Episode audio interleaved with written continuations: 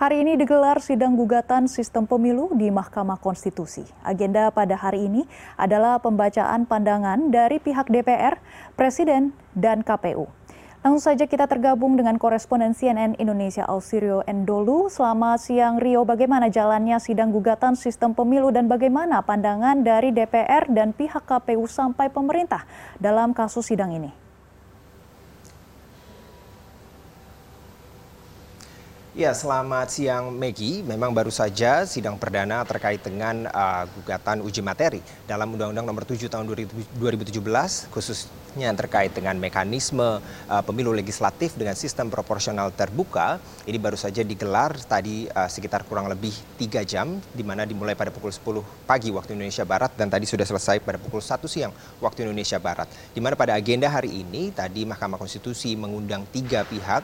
Yang pertama adalah dari DPR di mana tadi ada perwakilan dari sembilan fraksi yang turut hadir di dalam uh, agenda sidang perdana pada hari ini dan tadi uh, dipenuhi dengan uh, anggota dari Komisi 3 DPR. Dan lalu kemudian dari pemerintah tadi ada dari pihak Kemendagri yang juga turut hadir mewakili presiden dan namun dari pihak KPU tidak hadir dengan alasan yang sudah disampaikan kepada Majelis Hakim Mahkamah Konstitusi.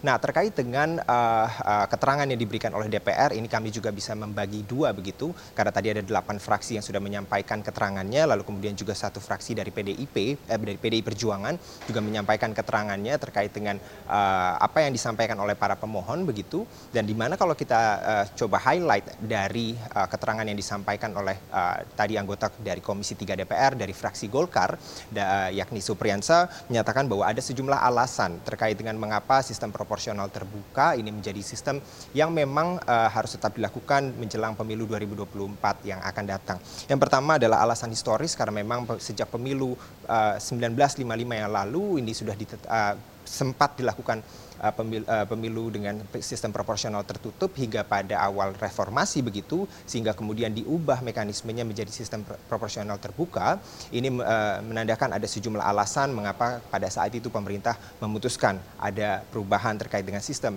proporsional terbuka. Lalu kemudian yang kedua adalah alasan prinsipil bahwa terkait dengan demokrasi bahwa kedaulatan ada di tangan rakyat karena jika uh, dilakukan dengan sistem proporsional tertutup ini akan memberi jarak jarak antara pemilih yakni dari masyarakat sendiri dengan uh, anggota yang nantinya akan dipilih oleh masyarakat. Dan yang ketiga adalah dari aspek konstitusi bagaimana kita mengingat pada uh, tahun 2008 yang lalu Mahkamah Konstitusi pun sempat meng pernah mengeluarkan putusan terkait dengan sistem proporsional terbuka itu sendiri. Nah, untuk memperdalam lebih lanjut terkait dengan uh, alasan ataupun keterangan yang diberikan oleh fraksi PDIP di dalam ruang sidang tadi, saat ini saya sudah bersama dengan anggota Komisi 3 DPR dari fraksi PDIP Arteria Dahlan. Selamat siang Bang Assalamualaikum, selamat siang. Waalaikumsalam. Nah, tadi apa yang disampaikan oleh PDIP, kalau yang saya uh, garis bawahi ini adalah bagaimana penguatan sistem partai politik untuk kemudian mendukung sistem uh, proporsional tertutup begitu ya.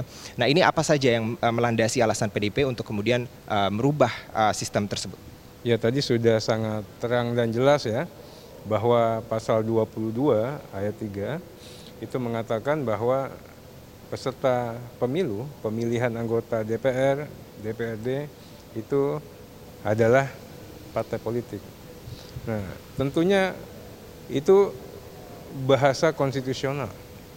Ya, narasi yang dibangun itu tentunya syarat akan muatan. Kami hanya ingin mengingatkan bahwa PDI Perjuangan dalam keadaan sesulit apa pun, kita pasti akan memastikan konstitusinya hadir.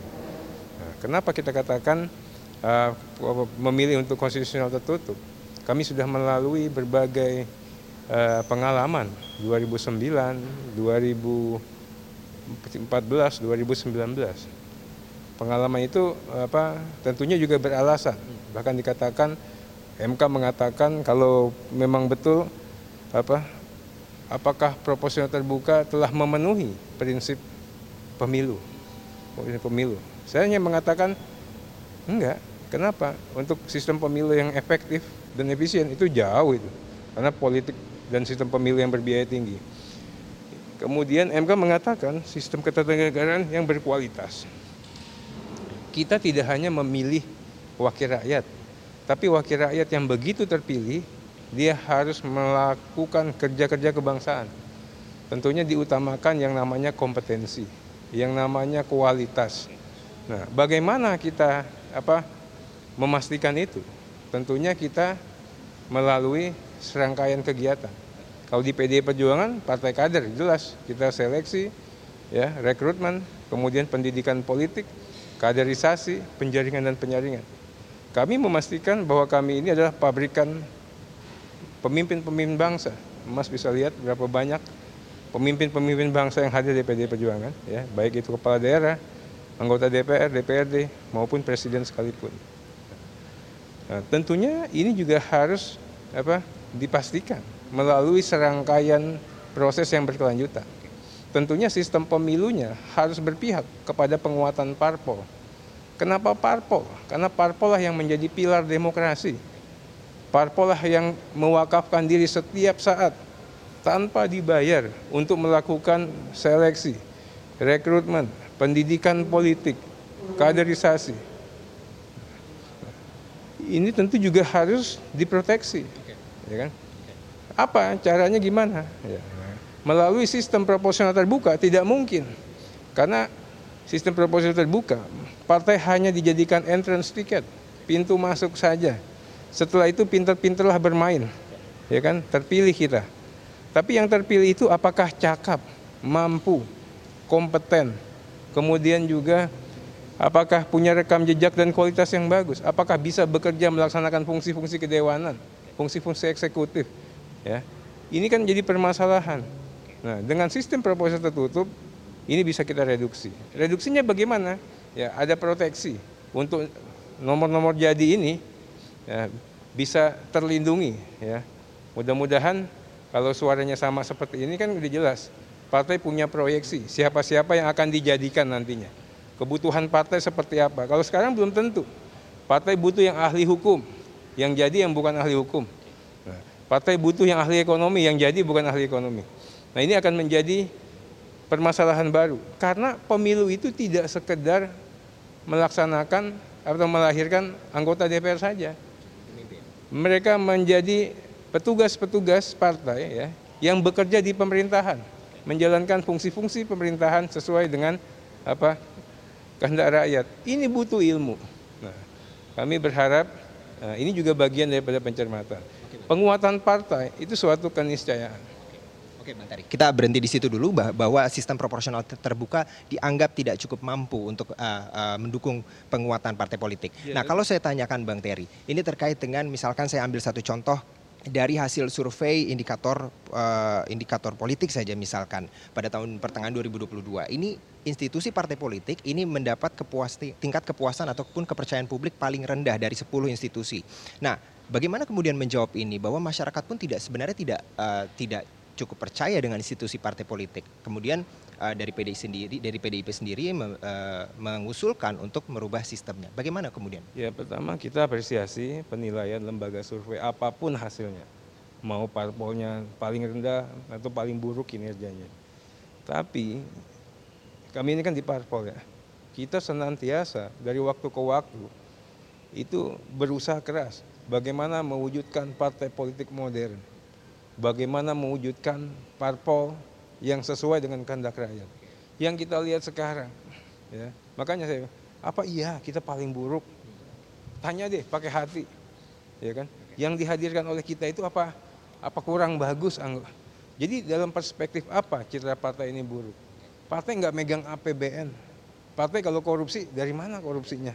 Nah ini kita juga jadi kita harus melihat secara proporsional. Saya bukan mengatakan hasil surveinya kurang pas, ya kita hormati, kita hargai. Dan kami selalu berbenah untuk menjadi lebih baik lagi. Oke. Siap. Terakhir memastikan saja uh, Bang Terry sebagai anggota DPR yang mungkin juga nanti akan nyalek di 2024. Kalau misalkan sistemnya dirubah, ini tidak akan ada berubah dari model kampanye Abang untuk turun ke masyarakat begitu. Ini tidak akan ada yang berubah karena kan masyarakat hanya, menu, hanya nyoblos dari partainya gitu. Iya, ini yang saya katakan sama teman-teman tadi. Saya itu di dapil nomor urut 3 kalau sistem proporsional tertutup, saya nomor urut tiga, belum tentu saya jadi. Nah, tapi kenapa kita kerja untuk ini? Ya kita harus tegak lurus sama konstitusi. Ya, kita juga harus memastikan bangsa ini harus setiap saat diingatkan, walaupun tidak populer sekalipun. Oke, baik. Cukup ya, informasinya terima kasih banyak Bang Terry. Semoga sehat selalu. Selamat bertugas kembali.